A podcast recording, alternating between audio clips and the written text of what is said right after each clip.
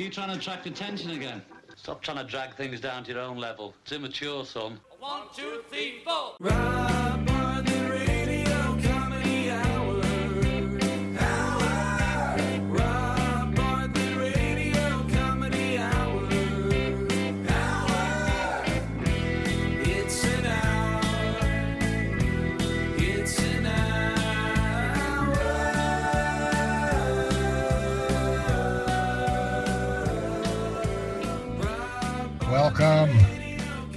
everybody, to the Rob Bartlett Radio Comedy Hour. I am Rob Bartlett, and this is my Radio Comedy Hour. We have another great show for you this week, episode number 37. Got a lot of cool stuff this week, including another chapter of I Remember Imus, the stories from my career as a stand up, my memoir of being an actor on Broadway and TV, and, and of course, my time on the Imus in the Morning program, without which uh, none of the aforementioned would have ever happened. So, uh, Dr. Phil, our old pal Dr. Phil, will be by with some thoughts on the Joe Biden controversy. But uh, first things first, this Friday, Mick Jagger is supposed to get heart surgery, which is just a little bit of a shocker. You would you would have thought it'd be Keith Richards would be the one who would need the surgery, but you know that motherfucker's going to live until he's 177. He's he's got to be part Galapagos turtle. You know, when you get to thinking about it, it's the first replacement in the band since Bill Wyman. Really, one thing's for sure: the anesthesiologist has his work cut out for him. I mean, try to find some kind of drug Mick hasn't had before. The only way to put Jagger under is to hit him over the head with a hammer. This feels a little strange, you know, these these venerable iconic figures you know, from our from our past, aging like this. Mick is 75. 75. Paul McCartney is going to be 77. 77. I mean, he looks like he's 50, but it's probably because he's a vegan and he smokes so much dope. But Ringo, Ringo Starr is going to be 79 years old. A Beatle is going to be almost 80 years old. Uh, Yoko Ono is 86. Uh, did somebody say Yoko? Oh, hi, Yoko. How lovely to see you. Yes, isn't it? I was on my way to a screening of my newest film. Oh, oh, that's right. You're, you're not just an artist, you're a filmmaker. Yes, yes. I have made a few movies in my time. I made one in 1966 called Number Four. Number four. Yes. What was that about? About six minutes. No, no, I, I, I meant what was the film Oh, about? oh, oh, I wanted to encourage a dialogue for world peace, so I shot 20 famous persons' bottoms, including my husband at the time, Anthony Cox, and my daughter Kyoko, and, and me, of course. Oh, six minutes of asses, all for world peace. Yes, yes. I also made one in 1970 called Freedom. It features two minutes of me attempting to unhook a purple bra. Gu- Guess you couldn't get a, a whole six minutes out of that one. No, no. Uh, do you eventually take the bra off? Oh no no! It, uh, the picture freezes on my hands just as I'm about to release myself. but my favorite is a film I made called Self Portrait, a 42-minute close-up of John's semi-erect penis. okay. It's very artistic, you know. I guess that's too bad they didn't have rotten tomatoes back then. um, do you have a, a haiku for us? Uh, Yeah, uh, you Yoko? mean the ancient Japanese poetry form, blank verse consisting of three lines totaling 17 syllables, five syllables, followed by seven syllables, followed by five syllables? Um, yeah, but uh, you know, you don't have to explain it to us every single time you're here. You know, we kind of get the idea of what a haiku is. Oh, know? well, you know, I, I, I, I don't want to take any chances in case anyone's a little slow, you know, considering your audience. So, so what's your haiku today? Well, it's as timely as today's headlines. It's about Mick Jagger's heart surgery. Oh, oh yeah. Well, we were just talking about that before you came in. Yes, yes, I, I know. I guess that's why they call you King of the Segways. Yeah. mhm. All right. So, uh, what's this called? It's called You Can't Always Get What You Want, but if you try sometimes, you just might be able to get a heart valve. Oh, sounds familiar. Heart valve replacement. Hope Keith is not the donor, 'cause time's not on your side. Um, uh, that was 19 Oh, syllables. yeah, well, Yoko. sue me, fat boy. Uh, w- w- w- wait a minute. Uh, you know, I might want to make a sequel to Self Portrait. Oh. I, I'd like maybe to have you star in it. Really? Yes, yes. I just have to get a zoom lens for the camera first. Okay, okay, all right. Uh, Yoko Ono, everybody. bye bye. Always, always a treat when when she stops by. This portion of the program is brought to you by Ruthless Spectator Presents, the best of Ruthless Spectator. It's available on Amazon, Amazon Prime Video. It's basically it's a it's a sketch comedy series based on the Ruthless Spectator website, and um, it's a three episode season. The entire season is available. Uh, it's for your downloading and streaming pleasure. And I think next week the uh, DVD comes out. You can order that as well. Uh, it's some funny, funny stuff. We have three episodes. One is uh, the Trump Train. It's all sketches about uh, our commander in chief. And then there's um, Ruthless Spectator Sells Out, which is all our commercial parodies. really, really funny commercial parodies. And then uh, we have the Ruthless Spectator Christmas special, a very ruthless Christmas, which includes Salmonella's Night Before Christmas in Brooklyn. So check that out. Uh, makes a great Mother's Day gift, you know, because, you know, your mom's a big fan, big fan of the Robio. The women, they love the Robio. So check that out on Amazon and Amazon Prime Video. Just type in uh, Ruthless Spectator in the search box, and uh, you'll see you'll see us. Uh, watch it and laugh, and then uh, leave a review. Leave a nice review because that'll help us a lot. It'll help put us up in the search hierarchy. We'll get we'll get more people directed to it, and uh, it, it's just a little thing I'm asking you to do. I mean, really, it's it's not that hard. Mean, all I've done for you, can you at least do this for me, please? Can you? Okay. It's alive! Some disturbing news this week. Very disturbing. Um, Mary Kay Letourneau and uh, Fualaau, whatever his name is. You remember them? She was the teacher who married her her student. They're splitting up, boys and girls. Remember her? She was the sixth grade teacher. She started a sexual relationship with him when he was 12 years old, and she was 36, which is an age difference that, you know, if it were a, male teacher and a female student, it would be really creepy. But I don't know. Somehow with Mary Kay and Billy, it was, I don't know, kind of hot. She's pretty attractive. I mean, that's something I wonder. How come in all these female teacher cases where they have sexual relationships with their students, they're all these hot babes? You know, uh, Mary Kay, Deborah LaFave, Shelley Dufresne, and Rachel Respess. I don't know if you remember them. They were the two teachers in Louisiana who had a threesome with their 16 year old student. A threesome. I mean, why did this stuff never happen to me? That's that's what I don't really quite understand. I mean, when I was in elementary school, my sixth grade teacher looked like Steve Buscemi. I got two words for that. Learn to fucking type. Anyway, Mary Kay gave birth to Billy's child when he was 14. He, he was a father who couldn't drive his kid to the park to put him on the swings because he wasn't old enough to drive. I don't know why they were splitting up. I really don't know what the reason is, why they couldn't work things out. You know, maybe he cheated on her, you know, not with another woman, just like, you know, on a, on a quiz or a test or something. Maybe she couldn't get used to all the changes, you know, and like like puberty, you know, that's a big change. And he probably went through that when she was going through menopause. So between the two of them, he just wanted to see younger women. What knockers? So um, as of this podcast recording, it's uh, it's pretty much confirmed. Former Vice President Joe Biden likes to sniff women. Even his dog thinks that's weird. There's a photo with him. It's uh, it's burning up the internet. It's, he's got his nose buried in the neck of the former Defense Secretary Ash Carter's wife. Now she's gone on record and said that the, the photo is misleading and, and it really didn't bother her that he was smelling her hair. But she did, however, take exception when he started humping her leg. A- At least he was sniffing the hair on her head.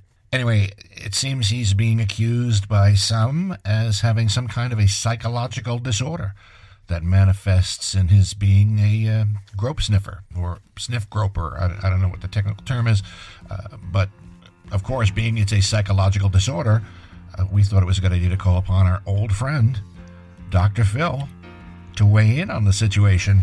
Uh, Doc? Doctor, my eye. Oh, I get it. I Yep. get it. Yeah. Uh-huh. Yep. Oh, that's great. Thank you. Thank you very much. Yeah. You see what I did there? Mhm, I did. I did. Uh-huh. If I had a nickel for every time I cringed at something Joe Biden said or did, I'd have a shitload of nickels. Remember the comment he made about you can't go into a Dunkin' Donuts in Delaware without a slight Indian accent? Yeah. Or how Iowa schools do better because they lack minorities? Mm-hmm. Mm-hmm. There's a litany of this kind of stuff. The Obama is articulate thing, the trying to convince black men that wearing a condom doesn't make them unmanly thing, and the history of him being a little too friendly and overly familiar physically with women. Which, after this latest photo op with former Defense Secretary Ashton's wife, is still a thing. He's got a history of what some could consider inappropriate closeness to women. Even Hillary was quoted as saying, You can stop touching me now, when one of his hugs lasted a little uncomfortably too long. Sidebar In a clinical study at Stanford in 2016, when subjects were told they had a choice of hugging Hillary Clinton or poking themselves in the eye with a sharp object, the study had to be shut down prematurely because they ran out of forks. The media's gone batshit crazy, showing images of all the other times Joe looked less like a former vice president and more like that creepy uncle who smelled like mothballs who'd come over every Thanksgiving and offer to tuck you in at bedtime. I got a present for you, honey. It's in my right front pants pocket. Go on get it now. On Joe's defense, at least he didn't spank his monkey on Ashton's old lady's dress or use her toisole as a humidor like former President Clinton did, which to this day still boggles my mind. I am stupefied. Here's a guy, the most powerful man in the free world, mm-hmm. that everybody on the planet knew was getting Hummers from his intern under the desk in the Oval Office, and yet he continued to be president. Well, you can't do that kind of shit and still keep your job at Taco Bell. Real world, Biden's not going to be as lucky as Bill Clinton was. No. He'll be judged by a different standard. Mm-hmm. His campaign will be an uphill battle. Mm-hmm. Unless the next thing he does is grab a porn star by the pussy.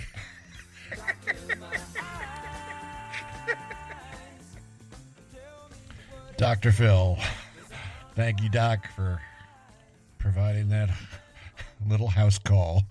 I'm all jacked up on Mountain Dew. Easter's coming up uh, in a couple of weeks. Uh, we'll have a very special Easter show to celebrate. Um, which reminds me, I, I hate to bring this up, but I, I think I really need to. Nobody caught the premature Passover bits from a couple episodes ago. I don't know why I thought Passover was uh, a couple weeks ago. You know, I Googled it wrong or something, or maybe it came up uh, 2018, whatever it was. It was not Passover. And yet we did Passover material. We did a, a Larry King about Passover. And it was like a month early, you know, and you guys aren't paying attention. And I really need you to pay more attention to what's going on. You really have to make a commitment to be present for this program every week. I'm going to let it slide now, but let's let's get serious, okay? I mean, Passover this year is is doesn't start till I think Holy Saturday. Uh, Easter's not till the 21st, but yet you know Easter eggs. I could never understand how the Passion of Christ somehow became synonymous with biting the heads off chocolate bunnies and coloring hard-boiled eggs and leaving them around the house. And one, of course, you would never find. And then the house smelled like, you know, farts until the 4th of July. Speaking of Easter eggs, that's why they call me king of the segways. Entertainment Weekly did this article about Easter eggs, not the the the ones you color, but the you know the intentional inside jokes, uh, the uh, hidden messages or or images that they put in, in movies and TV shows. Uh, sometimes they're they're a secret feature of a computer game or, or program or or a video game or, or DVD Blu-ray disc menu screen. Well, this week uh, on Legends of Tomorrow, that DC comic series on the CW, uh, is back after a four-month hiatus with an episode that features an Easter egg, a classic Easter egg. That's something called the Wilhelm Scream. Uh, the Wilhelm scream is a is a is a stock sound effect that they they first created in 1951, I think, for for a movie called Distant Drums with Gary Cooper. It was a western set in Florida. It's a novel idea. It was directed by Raoul Walsh, who uh, who also did High Sierra with Humphrey Bogart, and um, They Drive by Night with George Raft, and, and White Heat with James Cagney. Great, great movie. And they used this scream in that film, and it's been used in almost 400 movies since then. Uh, it's in Star Wars, the original Star Wars. It's in Toy Story. It's in Lord of the Rings, uh, Reservoir Dogs. So we're going to have a little contest. We're going to have a Wilhelm Scream contest. We're going to put it somewhere in the show. And and if you find it and you know where it is, email us at Robio Radio Comedy Hour at gmail.com. Uh, R-O-B-I-O, R-A-D-I-O, comedy hour at gmail.com. I know I have to spell it out for you. Let us know if you know where it is. And if you're right, you will receive fame and fortune and prizes. Not money, but some RBRCH swag. So and you know, while we're at it, check out all your social media platforms. Our, our Twitter feed, uh, which is at the Robio, our Instagram, R O B I O 007, the Rob Bartlett Radio Comedy Hour Facebook page. You know, just just follow us, and, and you'll be able to know things that are going on before everybody else does. And by the same token, if you're listening to this program right now and you're hearing the sound of my voice and you have not yet subscribed, what do I have to do to get you people to subscribe?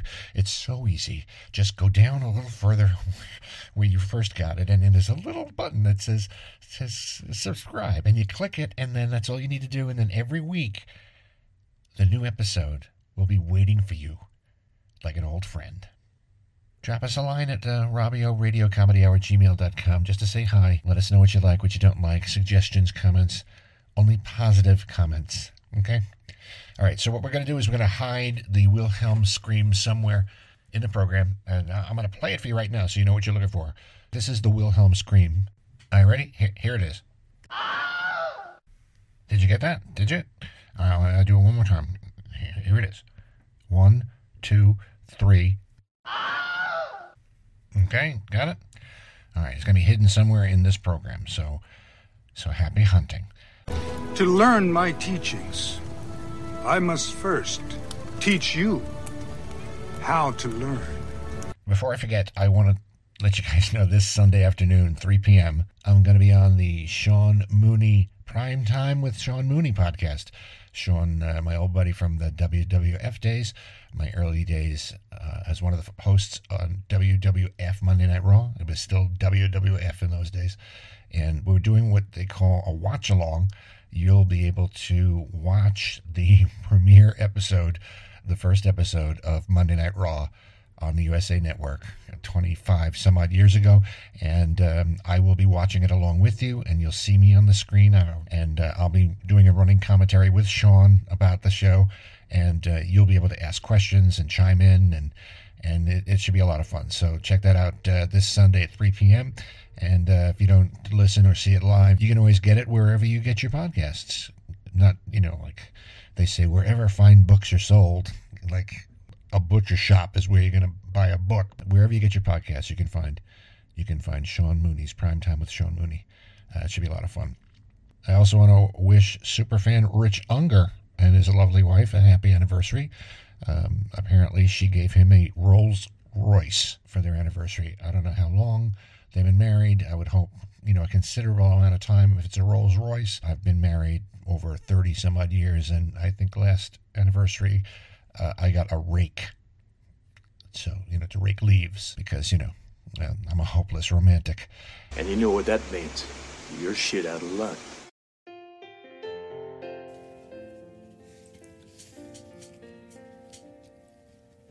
You know, looking back on my 40 year career, I remember all the great times. I remember all the laughs, all the highs, all the lows, all the great opportunities I've had. I remember all the breaks. But mostly, I remember the man who really made it all possible. I remember Imus.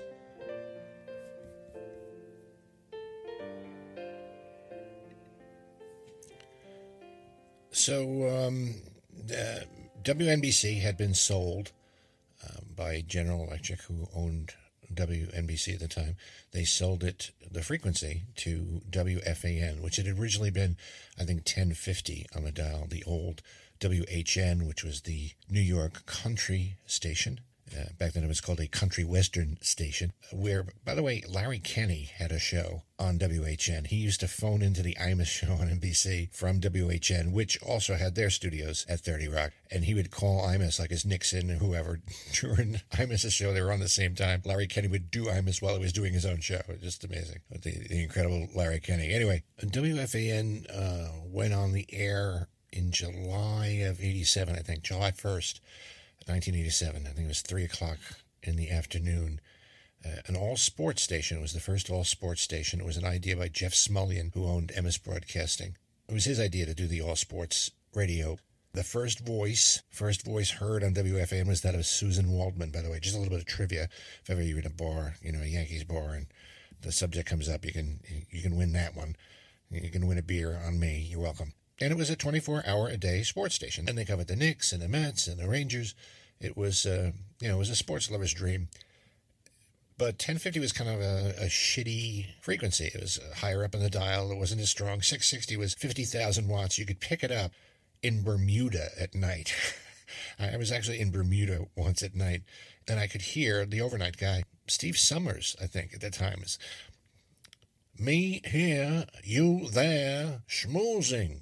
Here on WFAN 660, Eddie Scozzare on the other side of the glass.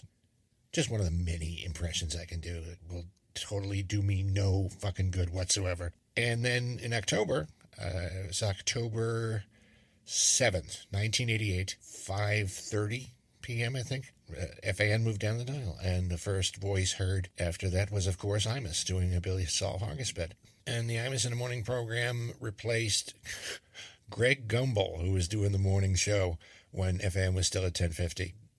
FAN was populated by a bunch of really crazy fucking people. Just crazy. Batshit crazy. There was this guy, Pete Franklin, who was like a 106 years old, who did this. Uh, I think he did afternoons, and he was really controversial because all he would do is just scream at the audience, I'm not here to offend you. He's like the crazy old man who yelled at you to get off his lawn and wouldn't give you your ball back. That was that was Pete Franklin. Uh, Franklin did the, the afternoon drive, and it was a feud. Of course, Imus started a feud right off the bat with Pete Franklin. Pete Franklin would call Imus minus. Get it? Minus. That was about the level of Pete Franklin. It did not go well for Pete.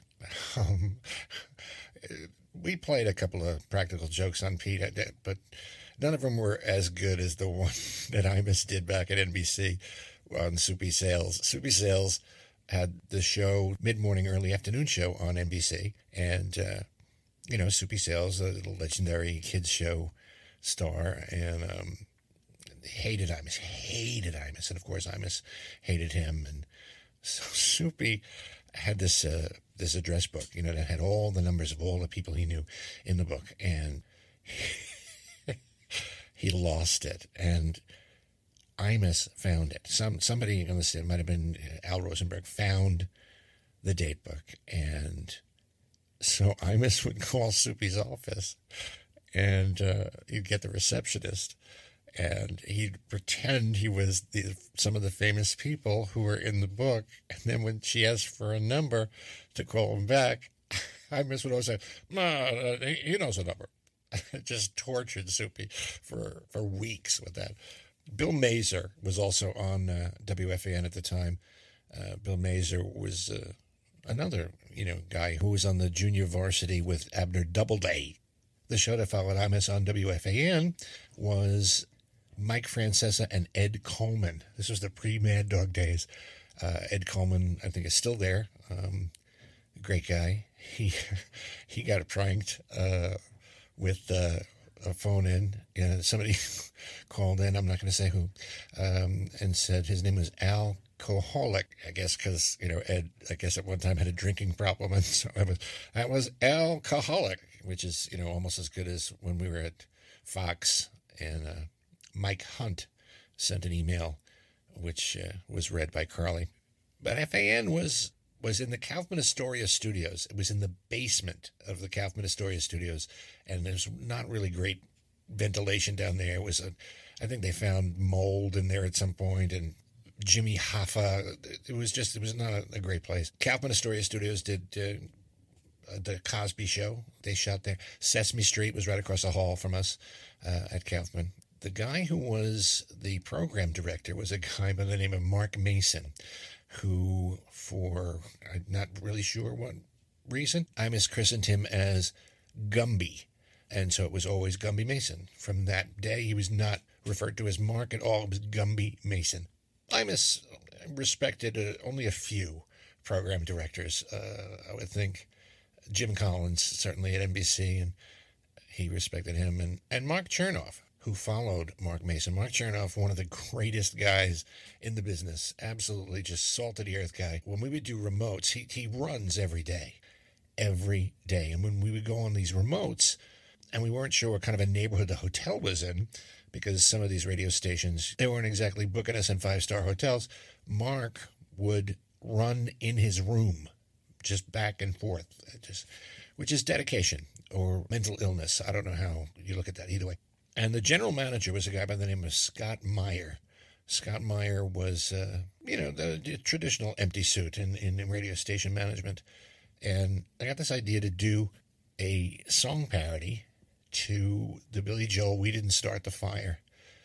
And basically, it was just a litany of IMUS related topics, names and places and things. And it was just a rat- rattling them off like the Billy Joel song was, rattling off things in American history. It was called We Never Liked Scott Meyer. And that got a lot of airplay in the early days in WFAN. Uh, I probably cringe t- to hear it now, but that was the first, I think, song parody I ever did. A lot of them were done by uh, Rush Limbaugh Megadiddles. Uh, all you feminazis. Rush Limbaugh did a song called I Like Friends with White Faces, which addressed uh, his alleged racism, sung to the tune of I Have Friends in Low Places.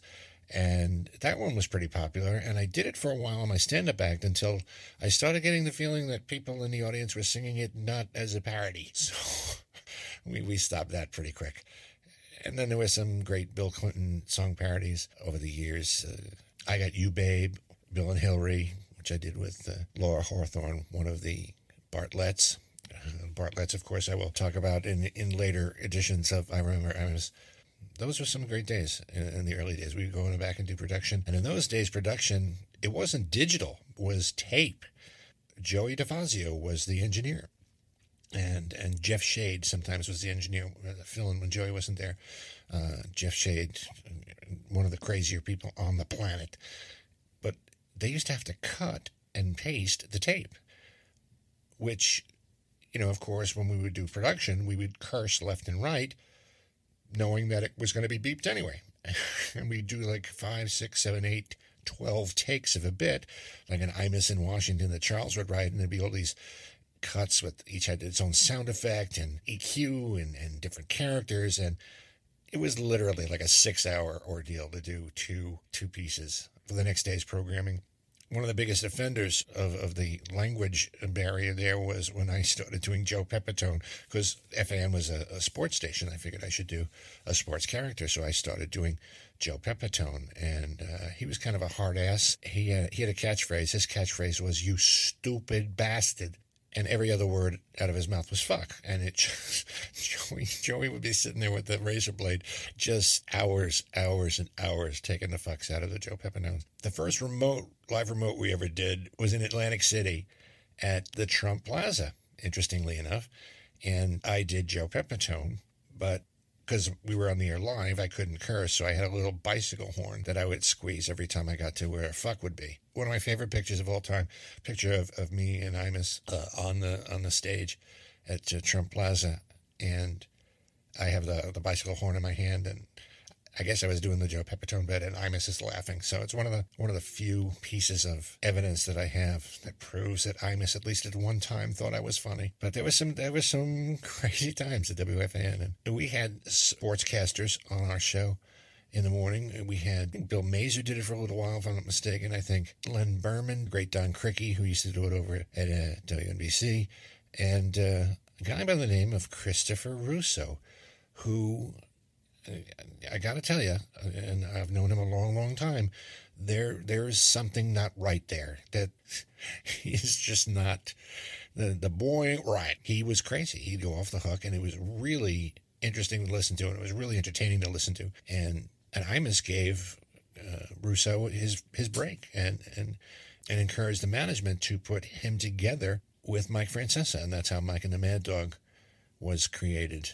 Those were the early days at WFAN. Uh, next week, uh, I think we'll do the Bartletts, which were my opening act for many, many, many, many, many years. It was a girl group who did 60s girl group songs in beehives and in sparkle dresses, and it was great. They would, they would they would do four or five girl group songs, and then I would come on stage, and we usually ended the show. I brought them back, and we did Big Butted Woman, which is, which I think I've played here. Or maybe I'll play again at some point.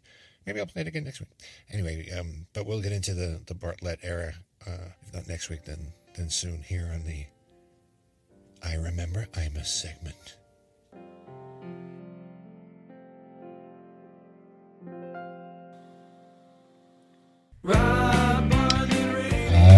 You know what that means, boys and girls. Time to pull the plug on another episode of the Rob Bartlett Radio Comedy Hour. Hope you had as much fun listening to it as we did putting it together, because this is a lot of fucking work and not all that satisfying if you want to know the truth.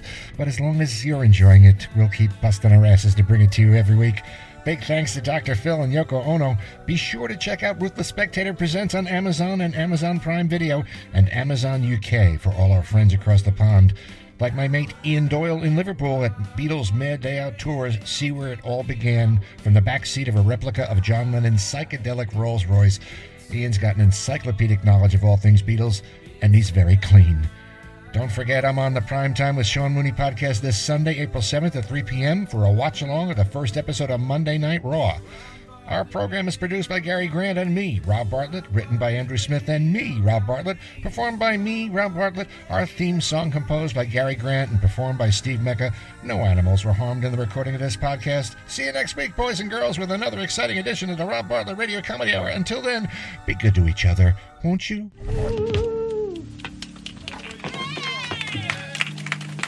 Thanks, Mo. I'd like to say thank you on behalf of the group and ourselves, and I hope we pass the audition.